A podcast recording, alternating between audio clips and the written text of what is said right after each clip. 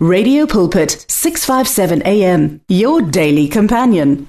I greet you today in the mighty name of Jesus. I am Pastor Jones Maleka from Radio Pulpit in Pretoria, South Africa.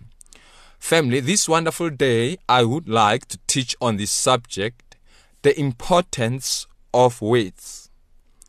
It is impossible to live a successful Christian life without understanding the power of positive words.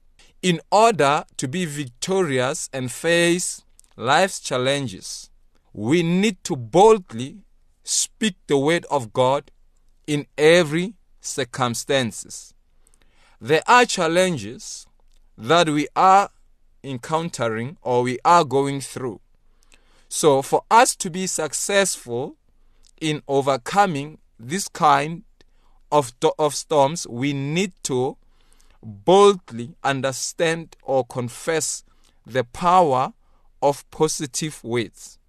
Because when you speak positive words, you are actually contradicting the challenges, the storms that the enemy is trying to bring. The Bible says the devil cometh to steal, kill, and destroy. But the Lord Jesus comes to restore what the enemy has stolen. So when the devil comes to steal, kill, and destroy, Jesus is coming to restore whatever is stolen. How do you identify the activities of the enemy or of the devil?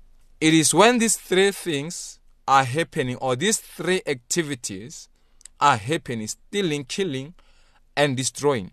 So when you don't have peace, just know that the enemy is trying to come. So you need to boldly confess positive words. Speaking positive words is not all there is to being a successful Christian. However, without speaking positive words, one can never be a successful Christian. So some people believe in their hearts, however, they don't confess what they believe. That is why it is so critical for you as a believer to understand the power of words.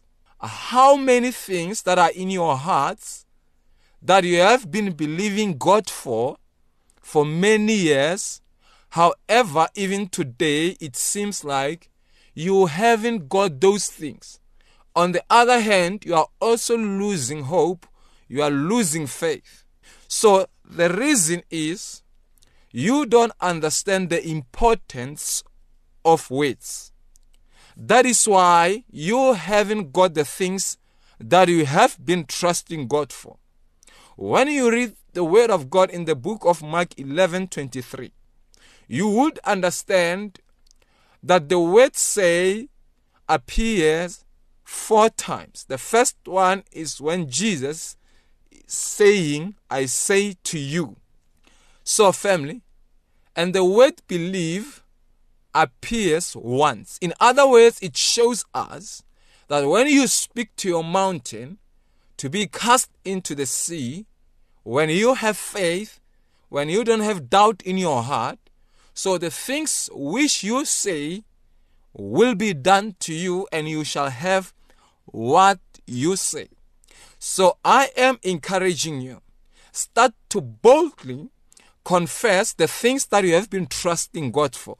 It could be healing, it could be deliverance, it could be your job, it could be your business, it could be your car or your house. You need to start thanking God for it. That is an act of faith. Because if you don't say it, God cannot do that. So, in other words, our words influence angels. When you speak positive words, you are influencing angels to do the work. When you speak negative words, angels of God are actually saying, We wish he shouldn't have said that. And the devil is happy and he will definitely come and do what you said. Because God says, I will do the very same thing that I hear you say. So that is why negative words are traveling faster than positive words. Why? Because these negative words they don't have a force or something that are stopping them. Especially when you are a believer, it means that you are giving the devil a legal or spiritual right to attack you. And then you are saying to God, Let the devil come, let a demon come, and angels of God, let them stop from working. So, family, negative words influence demons and the devil to attack you.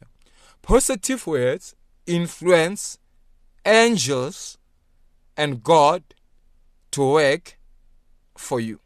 So, family, as you hear this message, you will learn how to release your faith because confessing what the Word of God says is putting faith into action.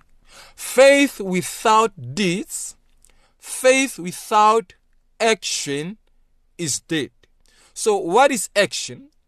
Action is when you boldly confess the Word of God because you are actually saying, God, what I believe in my heart, what I'm trusting you for in my heart, I now boldly decree it and declare it as I thank you that I have received it. So, family, let us understand the power or the importance of positive words. Put your faith into action. Faith without deeds is dead. Faith without action is dead. In other words, you cannot please God without faith. So, faith can be dead, faith can be active, faith can be little, faith can be great, faith can be shipwrecked, faith can be inactive. So, family, each and every believer has faith because initially you confess that Jesus died for you on the cross and rose from the dead on the third day. That is where your faith started. So it is up to you to decide what to do with your faith. It is your responsibility to nurture your faith, to grow your faith. So, family, I believe as you listen to this message and apply this teaching, you will also notice your faith level rise. You will notice unconsciously that you will be doing things and saying things that release faith. So, family, you will see your finances improve, your health improve, your relationships improve. You will see abundance of blessings over your family. You will see all circumstances, challenges around you line up with the Word of God because you will begin applying faith in every area of your life. In the same way, family, you drive a car automatically and don't think about it. So you will find yourself applying faith automatically without thinking about it. These principles work and you will see and enjoy the benefits. Let's read the book of Proverbs 18, verse 21, New King James Version. Death and life are in the power of the tongue.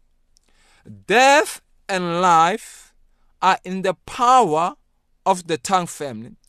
God could have said that death and life are in, are in his hands. However, he didn't say that. He said death and life are in the power of our tongue.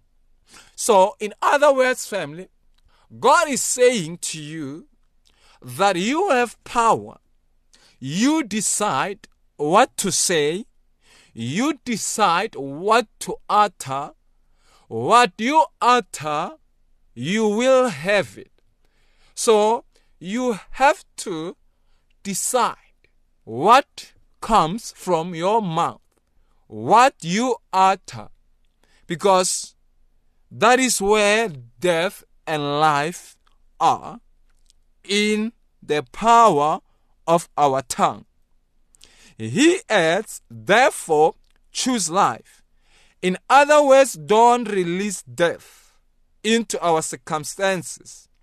Release life. This is the way we use faith, and faith is essential in this life. So, without faith, we cannot succeed in life, family. And without faith, it, it, without faith, it is impossible for us to please God. So we have faith. There is no believer who can say he or she doesn't have faith. Where did faith start? Faith started the moment you confess with your mouth you used your tongue to confess that Jesus died for you on the cross and rose from the dead on the third day, you haven't seen him with your naked eyes, yet you believe that he died for you on the cross and rose from the dead on the third day.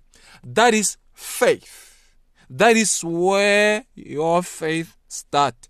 We cannot please God without faith, according to Hebrews 11, verse 6. We cannot live a healthy life without faith.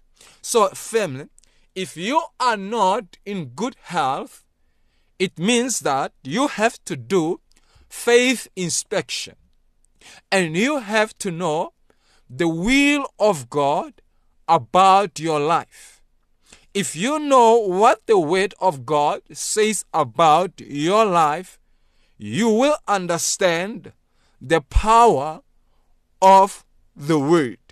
You will know what to confess.